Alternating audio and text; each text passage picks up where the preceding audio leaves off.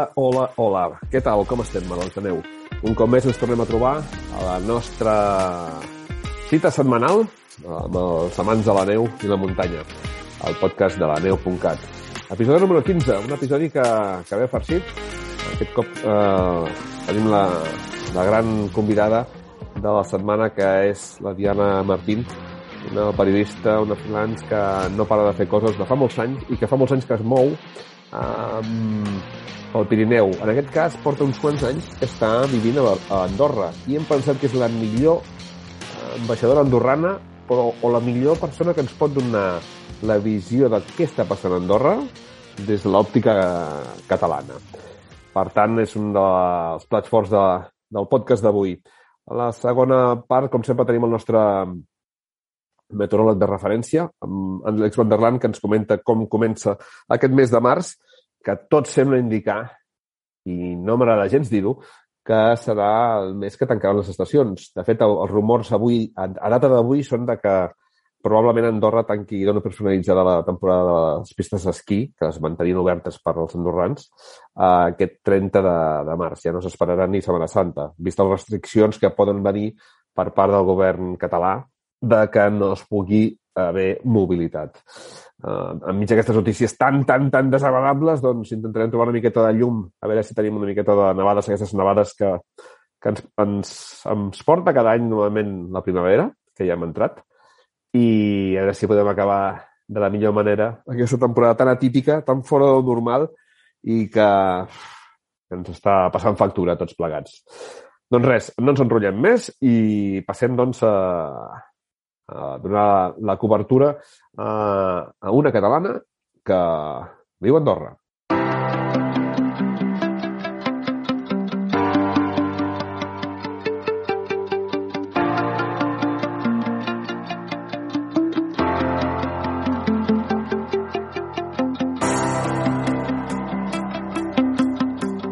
Avui ens apropem a l'actualitat dels nostres cosins germans, els nostres cosins andorrans, perquè compartim una llengua, perquè compartim un Pirineu.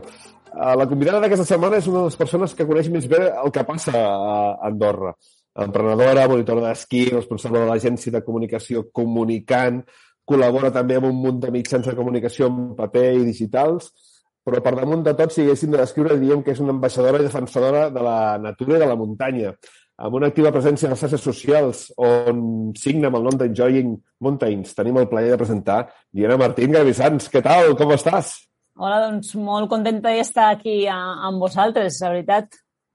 Uh, penso que tenim moltes ganes de, de parlar amb tu perquè, a part de que sempre sovint parlem en el podcast de, de coses d'Andorra i, i bueno, doncs sí que tenim amics andorrans, però que carai, tenim també una catalana que fa temps que volta el món. Explica'ns una miqueta tot això que estàs fent de mons, perquè aquest any suposo que la monitora no deus estar fent res, oi? No, jo ja vaig deixar les coses que ja fa uns anys perquè va arribar un punt que era impossible combinar el meu negoci amb, amb l'escola d'esquí i, i em vaig dedicar, ja vaig decidir que per edat i per, i per temes econòmics, perquè com has sabut veure també a molts diaris, doncs la situació dels professors d'esquí a Andorra no és fàcil eh, vaig decidir apostar per mi, pel meu projecte i, i deixar l'escola d'esquí ja com una etapa finalitzada de la meva vida. Això que has dit, això de l'edat, eh, perdona, però no estic d'acord, eh? perquè jo quan veig les teves fotos dels caps de setmanes, que sempre estàs al teu bosc, que no pares sempre físicament a tope, eh, edat de què?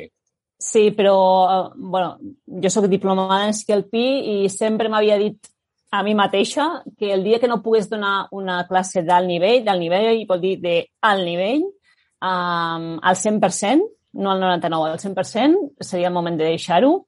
I l'altre dia que aquesta setmana han tingut eh, a la Mimi Gutiérrez, a la nostra esquiadora referent, que ha decidit doncs, eh, també fer un pas al costat i, i deixar-ho, doncs el que ella explicava era molt semblant, no? també que arriba un punt que el cos diu, bueno, pots continuar fent esport, però amb un altre nivell. Llavors, clar, no és el mateix fer una classe, eh, si tu vols, d'un nivell de Jos en cunya, que fer una classe d'alt nivell amb velocitat, eh, tot tipus de neu, etc. I vuit hores al dia, així, molts dies a la setmana, doncs, eh, evidentment, arriba a un punt doncs, que una ha de ser sincer amb una mateixa i també per evitar lesions i mals majors, no? I ara em dedico a pasturar. No, no, no. una, una pastura I... activa, eh? tirant una mica enrere, um, també ens agradaria saber quan fa que estàs vivint a Andorra i sobretot per què, què et va motivar a instal·lar-te a aquest país dels Pirineus?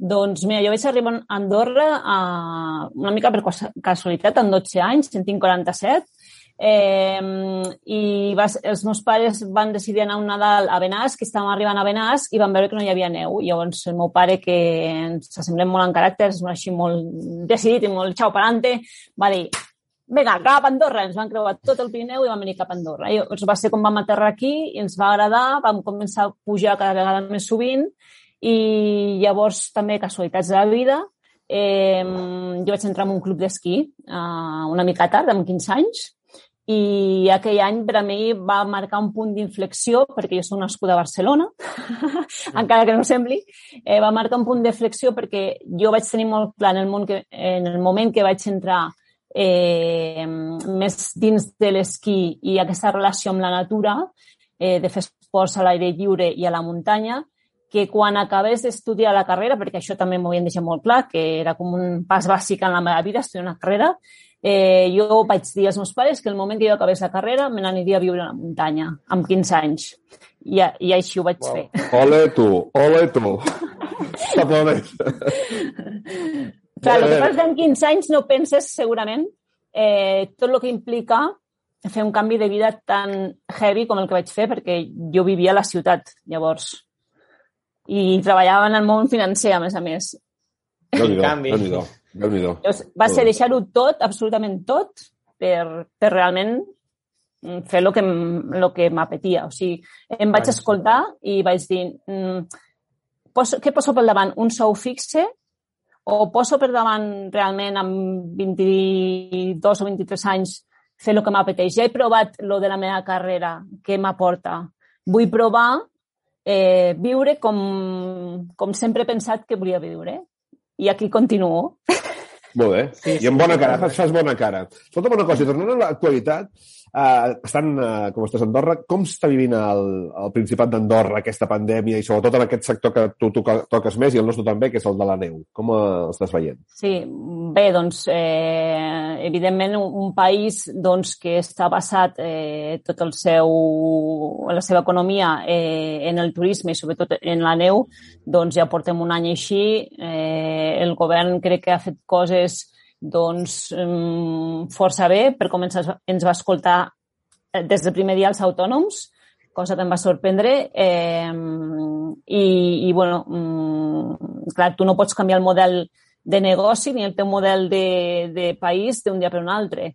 Però, bueno, en aquest sentit, doncs, evidentment hi ha les pèrdues que hi ha per tots els negocis dedicats únic i exclusivament al, al turisme, però, bueno, s'ha anat trampejant també com s'ha pogut i, i de fet, jo pensava que no s'obririen les estacions d'esquí, la veritat, aquest any.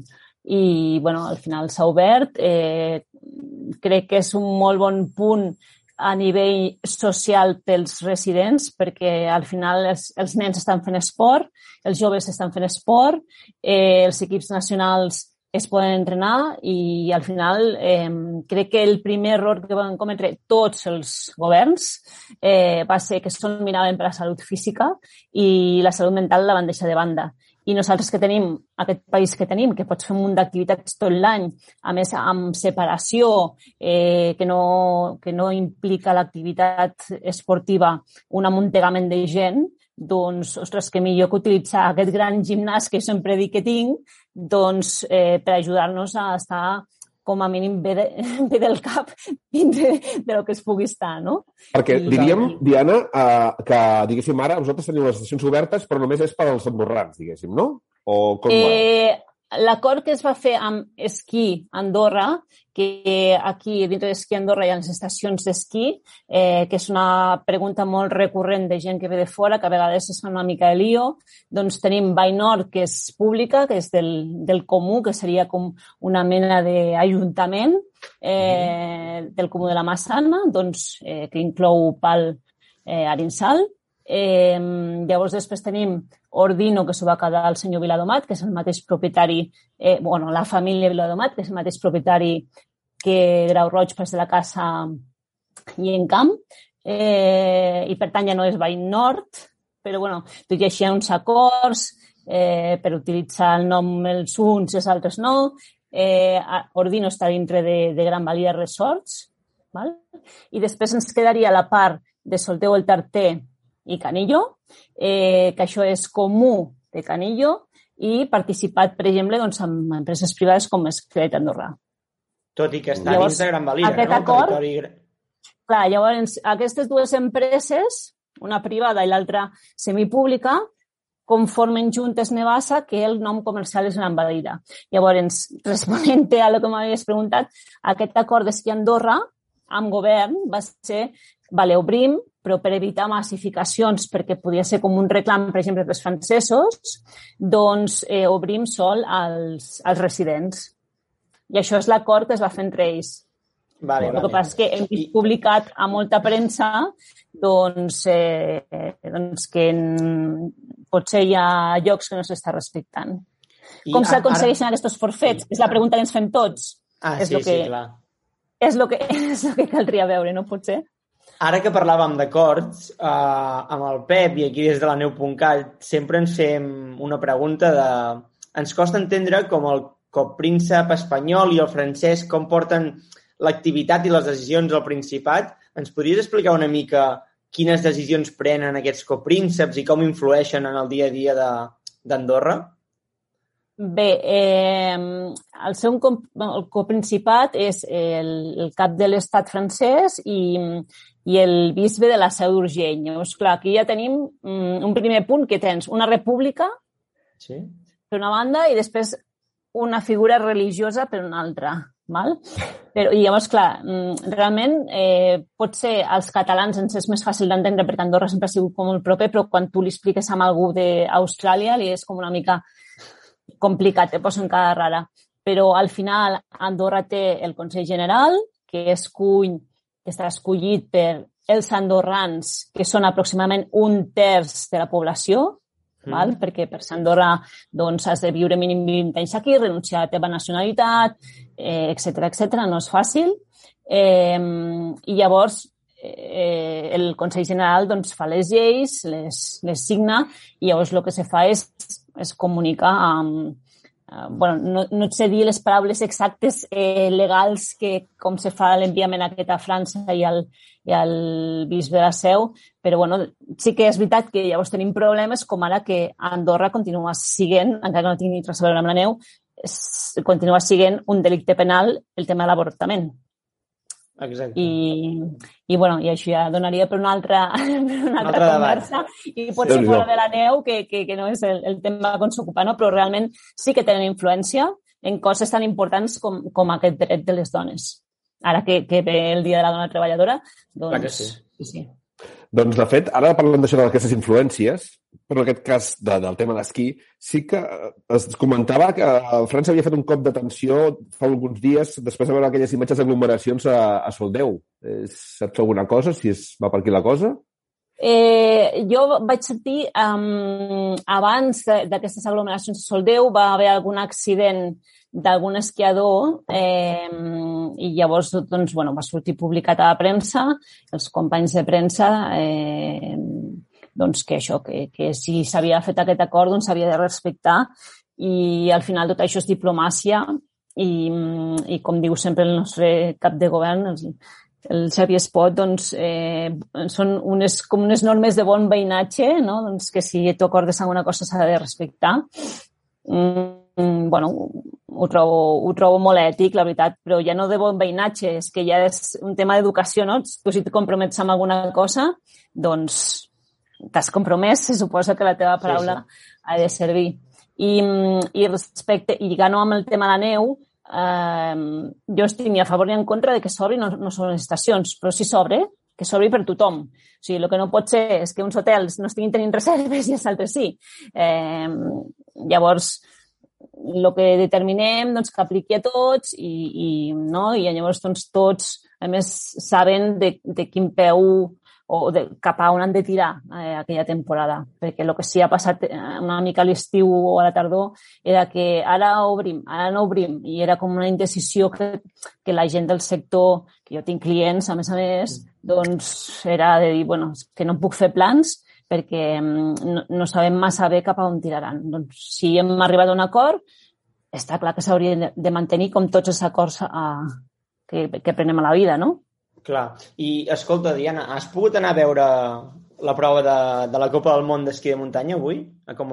Avui, avui no he anat, vaig anar el dimarts, perquè avui he tingut una trucada bastant llarga i, i llavors ja no m'ha no donat temps d'arribar. Vaig, vaig anar el dimarts a um, animar els compatriotes, els, els catalans i a les meves amigues andorranes que també, que també corrien. Sobretot els joves volien anar, a animar perquè són sempre potser els que es deixen més de banda i potser és justament els que s'hauria d'animar més, no? que són el nostre futur. Exacte.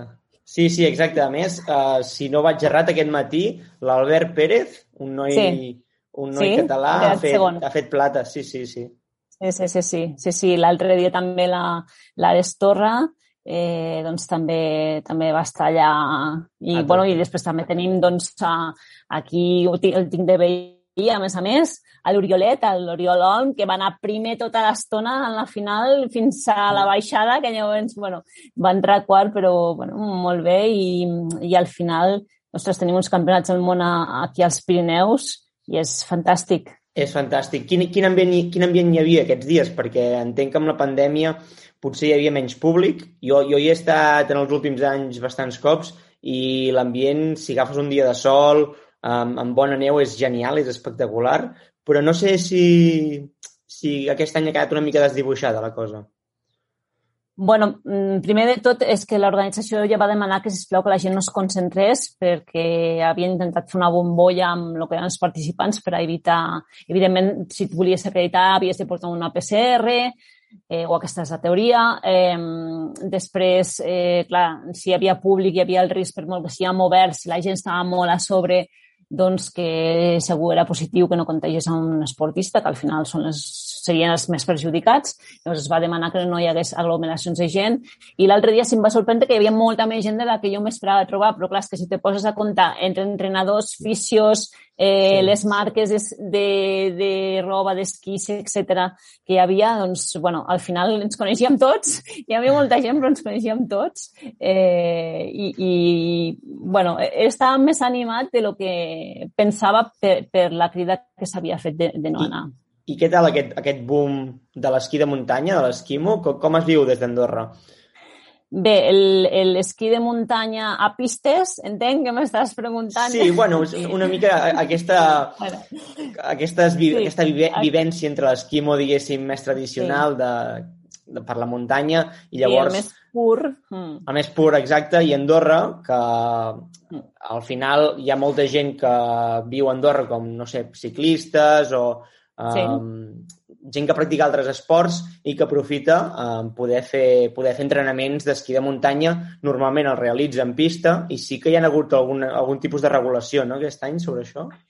Sí, va passar que... bueno, Andorra sempre s'ha tingut potser més tradició que d'altres llocs. Jo que he viscut a la Vall de he viscut a la Vall d'Aran i per temes de feina, doncs, quan feia el programa de neu la tele doncs, també voltava per d'altres estacions d'esquí.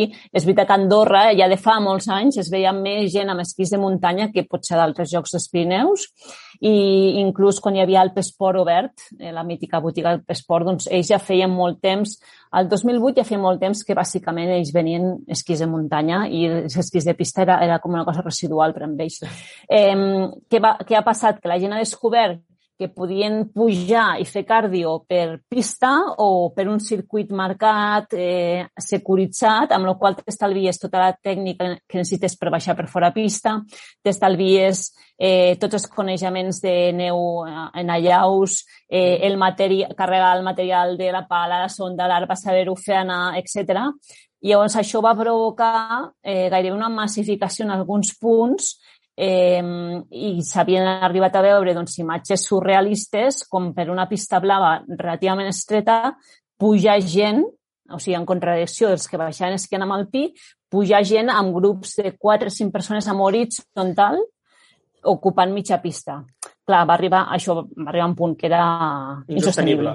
S'havia de regular d'alguna manera perquè algun dia doncs, hi hauria un accident i l'accident, evidentment, doncs, eh, no seria allò una rascadeta, sinó que seria un xoc entre persones i al final és la seguretat, no? I, i és dintre d'un complex eh, que potser moltes vegades és el que no s'acaba d'entendre, tu mm, estiguis pujant o baixant, estàs dintre una concessió, que aquí hi ha uns drets de qui té la concessió, però també tenen unes, unes obligacions, una responsabilitat civil, i, clar, mm, això al final és com una carretera, no? Tu estàs circulant per una pista, doncs igual que amb una carretera. Ha d'haver un ordre i unes normes per a que tots doncs, puguem gaudir, però amb seguretat. Llavors, I quines mesures s'han pres?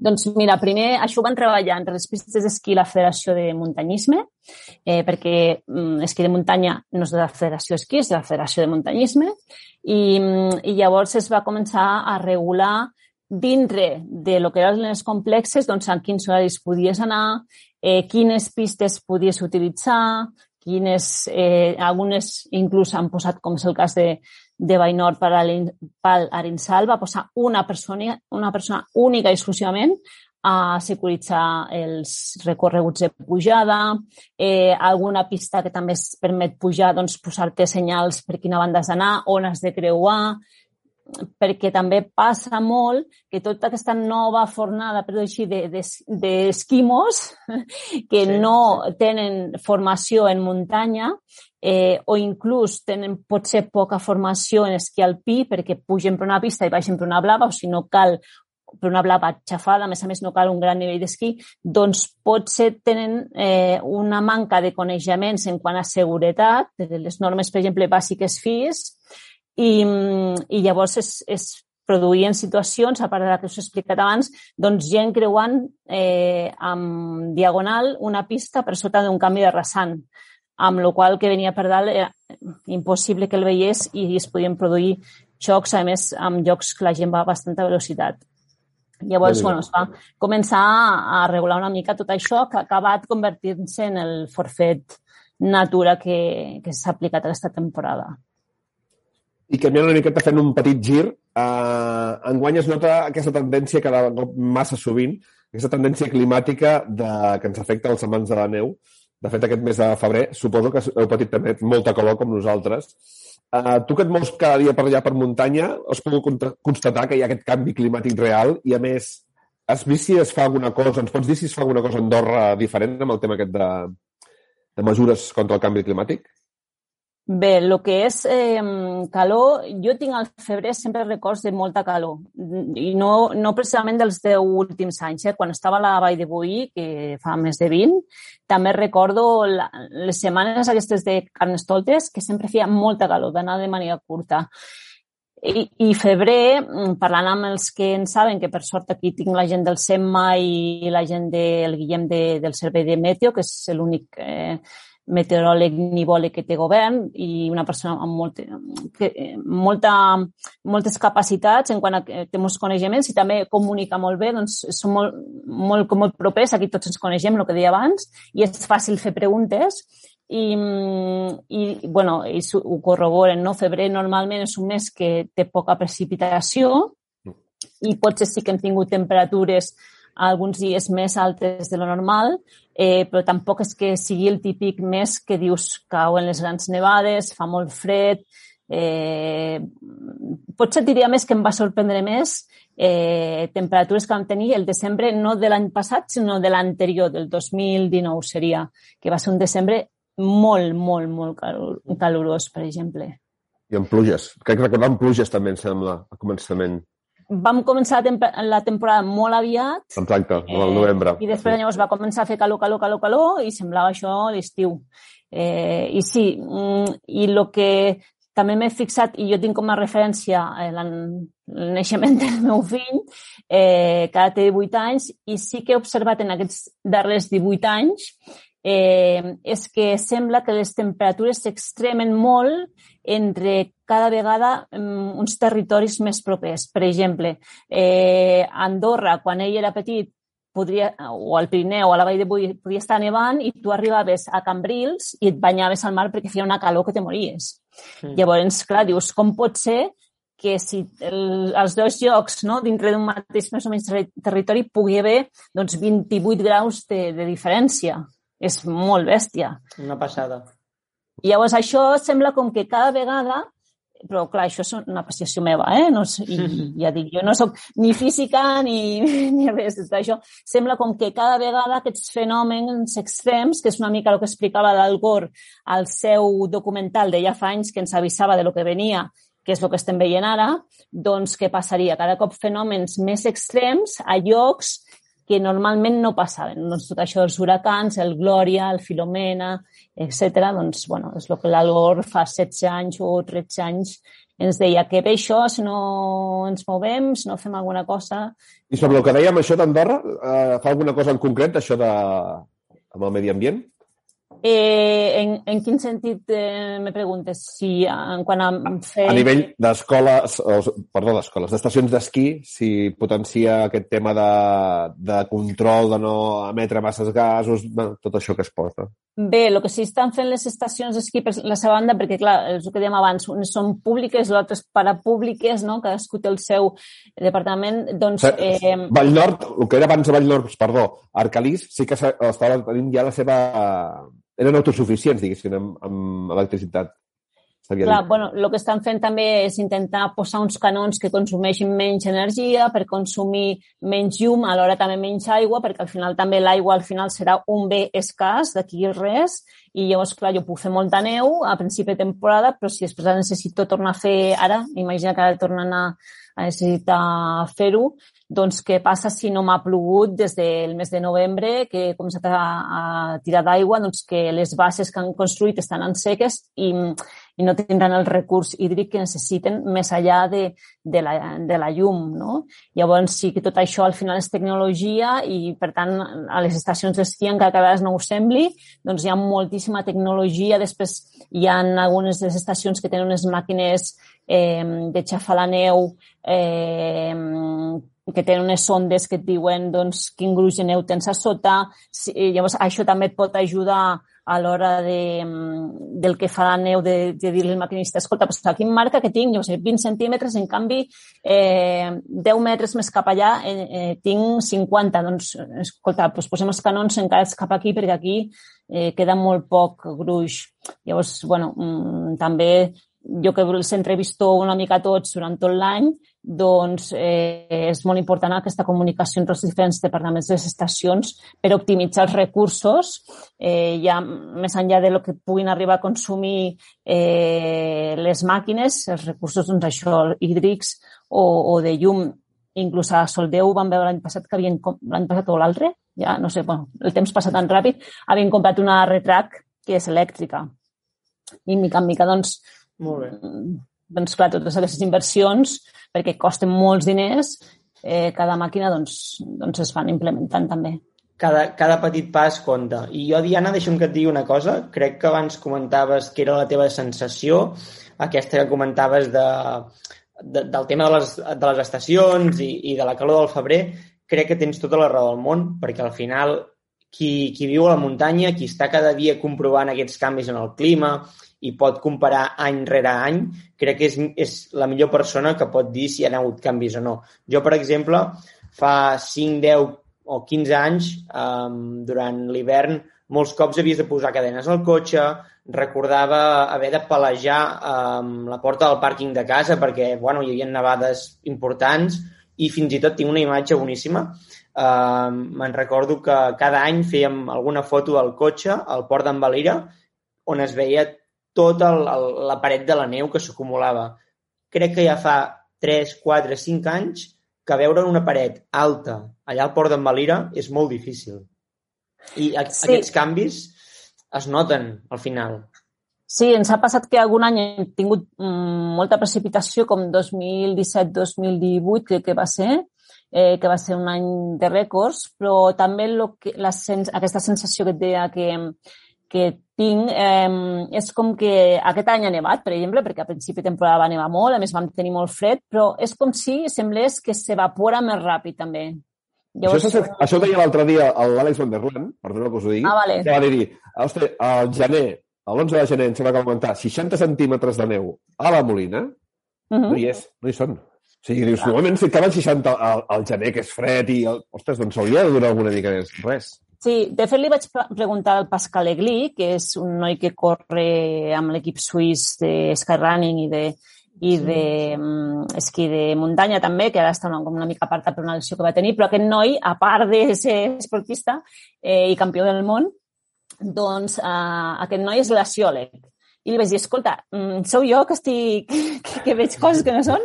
I llavors em va, em va fer una explicació que jo no sabia, que me va dir, és que també, clar, després quan t'ho expliquen és, és molt lògic, eh, depèn de l'angle que tingui eh, la muntanya, doncs clar, la incidència del sol també és diferent. Llavors, si tenim dos graus més o mig grau més de lo normal o el que sigui, clar, tota aquesta incidència amb el grau del raig de sol que li pica a la neu també és diferent. Aquest any a part se'ns està greujant amb tot el, el dast aquest, com es diu, la pols sahariana. La pols. I clar, eh, si tu tens una capa fosca on sigui, què passa? Allò reta la calor, no? Doncs Sí. tots aquests petits granets eh, gairebé eh, imperceptibles, que després tots junts sí que ho veiem tot marró, està fent com que la neu tingui a dintre per dir-ho així fàcil i planer, doncs una mena d'estufa que va atrapant l'escalfor del sol i, clar, això ho vulguis o no, doncs aquesta escalfor després doncs, eh, Ah. és, és com un terra d'aquestos eh, radiants. Tèrmics, Doncs, tèrmics, Sí. sí, per fer-ho així una comparació fàcil, per si algú que ens escolta no, no és del món de la neu, doncs és com tenir un terra radiant a dintre la neu. I llavors, clar, això és un problema per a mantenir durant molt de temps eh, el mantenival.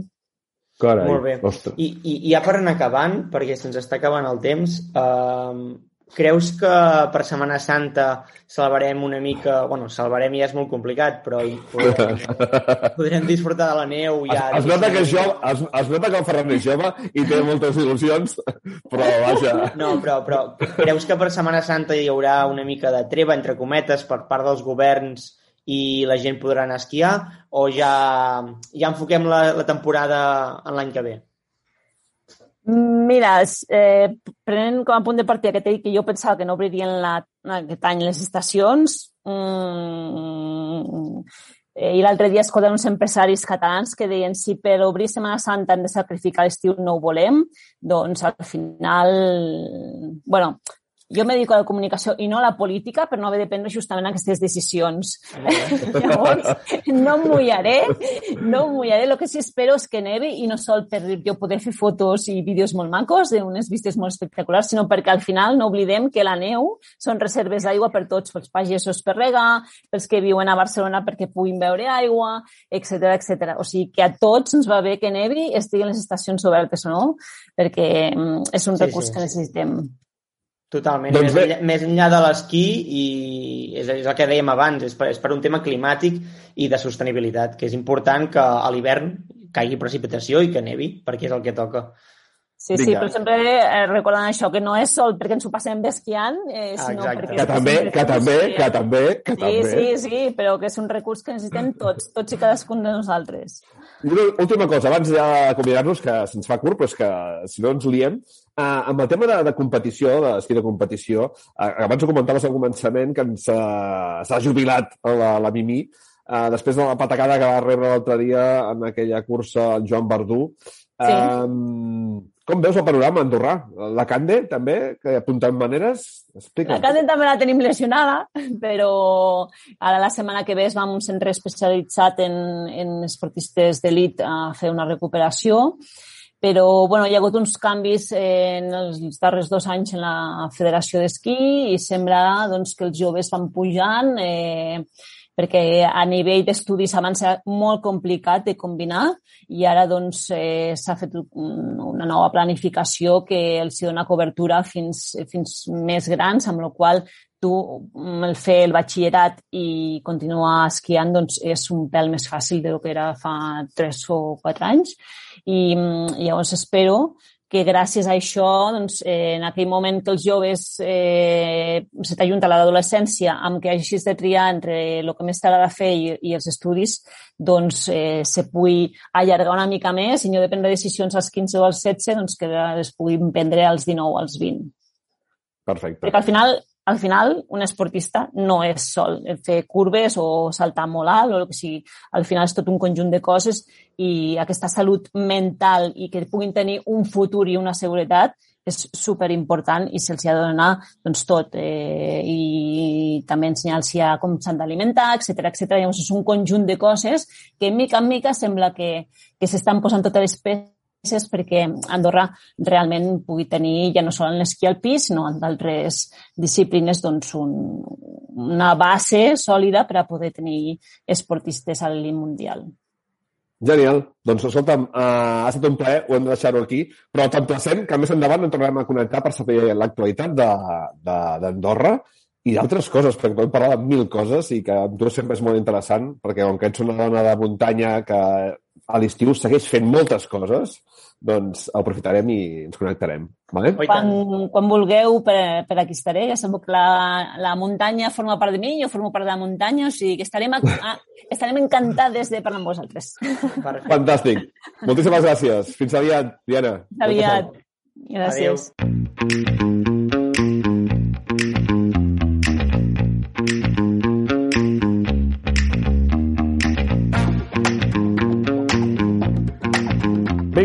Que hem estrenat ja el mes de març i no sé si dir amb molta alegria i molta xerinola, però bueno, el fet és que ja estem al mes de març i tenim aquí, un cop més, una setmana més, el nostre meteo de capçalera, en Àlex Vanderland. Què tal, com estàs? Bona tarda, molt bé. Aquí, com sempre. Escolta'm una cosa, diuen que aquest cap de setmana aquesta marronor que hi ha, que estem patint aquests, aquestes, uh, aquesta sorra sahariana, aquesta pols en suspensió que ja portem masses dies, però diu que canviarà de cara el Fasomia, canviarà el Pirineu aquest cap de setmana. Sí? Clar, no? jo, mira, jo, jo ho he publicat a Twitter i, i crec que aquest és... Si, si jo hagués de posar un titular atmosfer, un titular de, de, de Meteo, no em quedaria que si plou o neva, que lamentalment a vosaltres el Neucat us interessa si neva, però el titular seria que hi ha un canvi de patró atmosfèric. Netegem l'atmosfera per fi hi ha un canvi d'aires vale. i, i traiem ja la pols sahariana. Serà gradual, eh? Divendres encara em fa una em preocupa perquè hi ha molta pols acumulada i encara n'hi haurà. Per tant, les primeres precipitacions poden anar acompanyades de fang i nevades, però a mesura que vagi avançant el cap de setmana, i jo tinc moltes esperances dilluns, que pot precipitar bastant i la nevada pot ser maca al Pirineu, a més que coincidirà en el moment de la cota més baixa, aquell moment l'atmosfera estarà neta. I jo crec que netejarem una mica i trencarem aquesta... Dos coses, eh? Per una part, la pols sahariana, que està fent molt de mal, i, i alhora hi ha gent amb problemes de respiració, i l'altra, aquest corrent tota l'estona de, de vents marítims que tenen poca intensitat, però que són suficients per mantindre aquesta nuvolositat que hi ha molta gent que em pregunta, eh? I em, els que em reconeixen una mica pel carrer diu, però quan tornarà a sortir el sol? Perquè és que eh, és collonut. Mira, no ens està plovent, no ens està plovent, no ens està nevant, no pot fotre un fred rigorós, però tenim molt poques hores de sol, hi ha moltes poblacions que no són de boires, eh, que són de núvols baixos, perquè aquí tota la costa catalana, eh, la central, Maresmes i tal, és núvols baixos, no són boires, i amb una sensació d'humitat elevada. I és un temps desagradable que, juntat amb la pols sahariana, doncs fa que... I el aquí... confinament. El confinament, I, el, sí. I amb el confinament. La pols sahariana i, el... i no veure el sol, això és un desastre. Un desastre.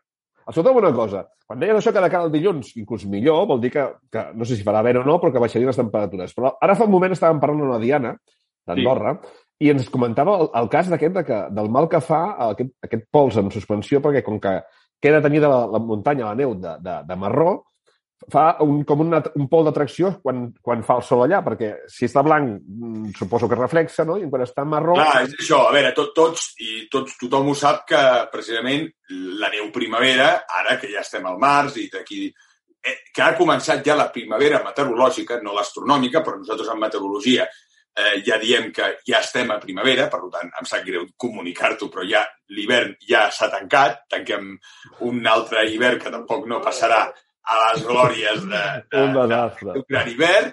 Vale? Potser pels madriles i aquesta zona sí, amb la Filomena, però nosaltres no ens quedarem amb, amb un gran yeah. bon gust de boca d'aquest hivern, i sobretot al febrer. Pues a la primavera, que el sol ja incideix molt més, simplement per la inclinació de l'eix de la Terra, doncs a, efectivament ens posem tots i se'ns crema molt més la pell pel reflex. És a dir, la, la llum blanca el que fa és inhibir la calor. Per això és l'efecte aquest que es diu abledo, que és que eh, es manté el fred, perquè eh, el sol no escalfa damunt de la neu. Vale? Té que ser un sol ja molt més potent. Què passa?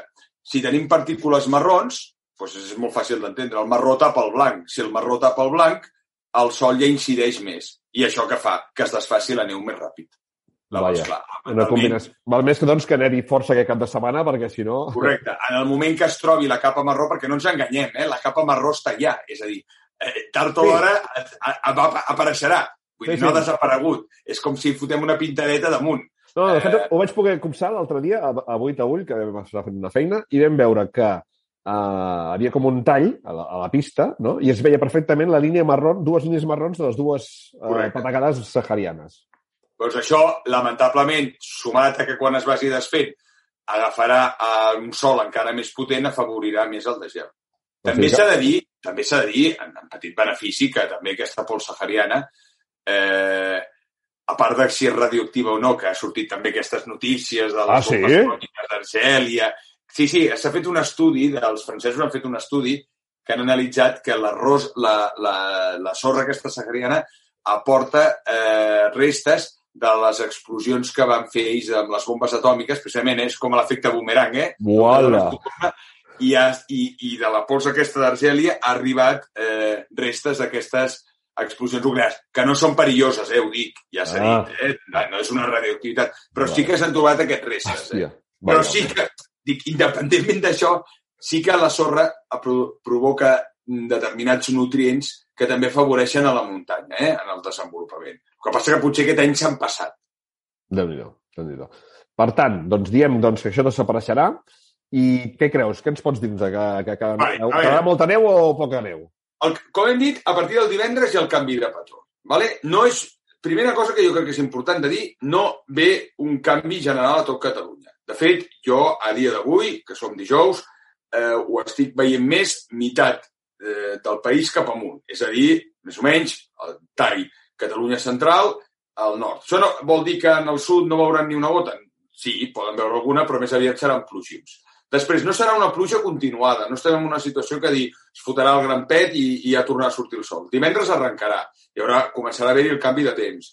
Començarà ja les primeres nevades al Pirineu. Eh, fins i tot poden ser, al Pirineu més oriental, nevades que podrien oscil·lar entre els 10 i els 15 centímetres. Jo crec que arrencarà tot això més o menys a mitja tarda. No sé, no es pot posar una hora, 3, 4. I la cota, en un principi, començarà alteta, eh? uns 2.000 metres, 2.100. No, no entra la fred de manera eh, forta, sinó anirà entrant gradual. Això vol dir que a final dels divendres jo crec que sí que podem tindre una cota als 1.900, 1.800. Aquí també tu i jo, fora de micro, abans parlàvem te pot dependre una mica de la precipitació. Estem parlant de models que a vegades la precipitació, la intensitat de la precipitació no la veuen bé. I després hi ha altres factors, com la humitat. Eh, el, el, mira, la mateixa setmana passada, eh, que havíem comentat que nevaria, si te'n recordes, eh, va nevar, eh, sobretot el, el, el diumenge, el diumenge. al matí. El la, dana, la dana es va moure. La dana es va moure. Ah, la dana famosa i, bueno, va, va fer i fins i tot eh, va, van, la cota va arribar a baixar als 900 metres. Si, si algú ara rescata el podcast, jo vaig parlar d'una cota de 1.400. Què va passar? Allò és l'efecte d'una vall del Pirineu. És a dir, a les valls del Pirineu havia fet fred i el fred es va conservar. Llavors sí que la cota estava a 1.400, però com que la vall estava freda, la neu o sigui, es va seguint trobant fred. No, no fred en alçada, que seria lo normal, sinó es va trobar el fred retingut a baix. I això va fer nevar fins als 900 metres, 800-900 metres. I això a vegades en el Pirineu, s'ha de dir, s'ha d'explicar, hi han petites bosses fredes que els models no, no veuen i que quasi bé no es veu, que retenen el fred i això provoca que a vegades doncs, pugui la cota, doncs, a lo millor està a 1.900 i a lo millor va baixar 100, 150 o 200 metres per sota. sota. És un microclima bastant important al, al, al Pirineu i s'ha d'entendre que és quan, quan, eh, quan veiem, perquè la gent està molt acostumada a veure TV3 o els mapes del Metrocat, i han, dividim el Pirineu en, en tres núvols, i allà se li posa un número eh, que es posa 1.700, és molt generalista i s'ha de parlar de que sempre hi ha molts microdetalls. I aquest ho és. O sigui, si tu mires no solament nosaltres, qualsevol mapa el dissabte amb la Dana, ningú et donava una nevada a 900 metres. 900, 800, i es va produir. Eh? Esterri d'Àneu, eh, Espot, tot, sí, sí. Va, i, va estar, i amb una intensitat bastant forta. Va coincidir allò, era primeres hores al matí, d'hora, el, el fred estava encubat i va entrar en aquell moment la precipitació. Vaig veure les fotos, vaig veure les fotos del, del Ramon Bailina a Esterri, que déu nhi Exacte, i, els, i els, a l'equip dels de, temps de, de temps de neu, que el saludo des d'aquí, que, sí, sí. que estaven pujant ah, que, a, a l'estació d'Espot i sí. van filmar mentre es pujaven la nevada que els estava caient a saco. Sí, Però sí. això ho hagués passat dues hores més tard, que la precipitació hagués entrat dues o tres hores més tard, ja la cota hagués estat a 1.400, perquè aquell aire fred ja s'hagués dissipat simplement per la, la sortida del dia. Tant, a vegades hi ha aquestes coincidències que, clar, que quasi bé fins a l'últim moment no es veuen. Està bé. Vale, vale. vale sí. Llavors, continuem, perdona. Dissabte, eh, la cota es podria moure entre 1.800 i 1.700, vale? potser fins i tot en casos més favorables 1.600. I a partir, jo ara, eh, de, di, de, di, sobretot de, de diumenge i, i, i més dilluns, la cota tendirà a baixar més. Eh? Diumenge jo crec que es podria seguir movent sobre aquests 1.700, 1.600 i ja seria el dilluns que ja podria baixar la cota bastant, eh? 1.500, 1.300, fins i tot en determinats moments ja nevar al final de tot l'episodi per sota dels 1.000 metres, que és quan coincidiria això que estàvem parlant al principi, que ja l'atmosfera estaria més neta i entraria purament l'aire més net al nord, que faria baixar i escombrar tota aquesta bueno, ho dic així, tota aquesta merda que tenim ara al cel des de fa diversos dies. Ja, ja ho dius bé, ja ho dius bé. I, i posant-se a posicionar-nos a dintre de, de, de tot el Pirineu català, cap, cap, a, cap a on aniria la major precipitació? Ara per ara els models estan veient la nevada bastant important més en el Pirineu Oriental, Prepirineu també, mm, curiosament menys a la part occidental, i fins i tot es veu neu, ho dic perquè hi ha molta gent que li agrada, al Montseny. Vale? També nevaria ah, al Montseny. Carai, sí que baixarà, doncs sí, sí. I sí, per això et deia que el dilluns, eh, sobretot els models, si ara veiessin mapes de 5 dies o tal de neu, veuries la taca del Montseny perquè està agafant aquesta baixada que t'estic dient que pot, pot passar el dilluns, entre dilluns matinada i dilluns al matí, que és el moment que la cota realment tendirà a baixar. És a dir, jo, jo el resum ràpid que faria per la gent que ens segueixi és que dissabte i diumenge estarà cometida, eh? allò de quiero però no puedo. Eh? Entre els 1.900, 1.800, 1.700, 1.600. Ojalà sigui els 1.700 i 1.600 perquè ja sabem que estacions com Masella, Molina, Masella té la base 1.600, Molina té 1.700, els aniria molt bé. ¿vale? I a, els amics andorrans, doncs aquests no tenen problema perquè ja estan a 1.900, la majoria de les fases de les estacions, amb la qual a ells, diguéssim, en principi els hi anirà bé. Però bueno, eh, ja anirem afinant, eh? perquè tot això són aquestes petites coses, però bueno, i tot això de les cotes m'agrada dir-ho perquè això és un programa de, de, de neu i que la gent entengui que simplificar el Pirineu és que fins i tot hauríem de fer anàlisis de, de cada vall, eh? de dir, bueno, quin temps fa la Cerdanya. Aquí l'has aquí, aquí, aquí clavat, aquí, eh? De cada vall. És que cada vall té el seu, el seu microclima. Tens tota la raó. I, I a vegades és veritat, quan es fa aquella, aquests mapes que veus, que només hi ha dos o tres núvols, uh, amb tot el Pirineu, dius, home, no, no cola.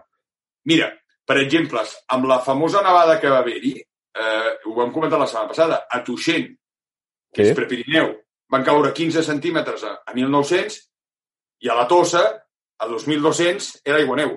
Sí, sí.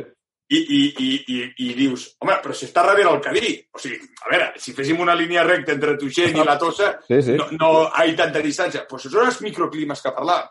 I com us vaig comentar, entre la Tossa i el mateix Puig Llançada, que és la mateixa estació de la Molina, ja va haver-hi una diferència de 200 metres entre la, la vessant del Puig Llançada, que és més sud, va nevar a cota més baixa i, en canvi, la Tossa, que és vessant nord, que en teoria faria més fred, la cota va estar més alta. Tot, tot això són aquests microclimes que jo crec que se li ha de dir a la gent que mm, s'haurien de fer estudis rigorosos i prediccions pel Pirineu rigoroses, eh? amb un anàlisi profund, perquè simplificar-ho en dos o tres núvols és molt complexa. Sí, sí, sí. Totalment d'acord. Pues res, escolta'm, veient que, tal com tu també vas avançar, que aquest any l'estàs clavant força, eh? et felicito. Ja vas Gràcies. dir que aquest, aquest març començava que havia més moviment. De moment no us podem queixar. Moviment n'hi ha. Sí. Jo també haig de dir que esperava una mica més agresc, eh? eh més, no, mai en tens prou, eh? mai en tens prou. Que jo, bueno, clar, jo tenia, no t'ho vaig voler dir al 100%, però tenia l'esperança pues, de dir, bueno, una nevada d'aquelles guapes, eh? que a vegades passa ja al març, eh? de 50 centímetres, 60, d'aquestes de patac Sí, i aire fred. Bueno, no em queixo, no em queixo perquè jo el que tinc ganes és el canvi de patró i de moment eh, sembla que es complirà. Vale. Collonut, doncs escolta'm, ens emplacem la setmana que ve i a veure com ha anat aquesta nevadeta. Vale? Molt bé, Josep. Vinga, que vagi bé, Àlex. Adéu, adéu. Adéu.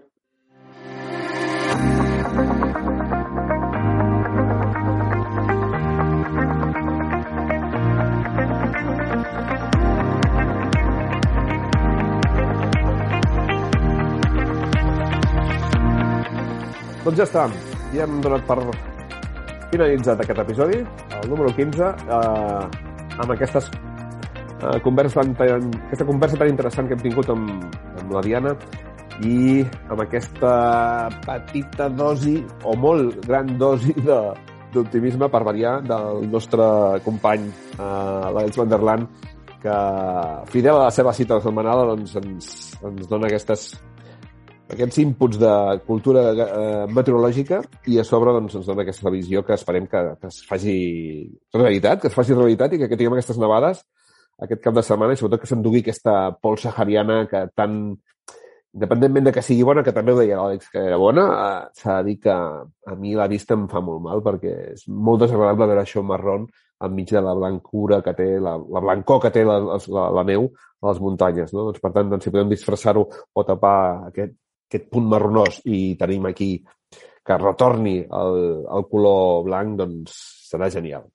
Uh, nens i nenes, ens emplacem la setmana que ve, un cop més. Uh, jo us puc avançar un spoiler, que diria el Ferri, que la setmana que ve uh, tindrem un convidat, el Gent de Neu, que amb, per variar, aquest any sembla que només sabem fer-ho amb gent de Mata de Pera, doncs en, encara queda temporada i podem fer-ho amb més gent, eh? Però uh, sí que serà el Tian Riba, el periodista que col·labora amb molts mitjans, a RAC1, TV3 i altres, el, serà el protagonista de, del Gent de Neu de la propera setmana, de l'episodi número 16.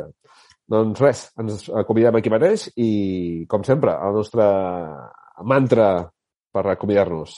Salut i neu.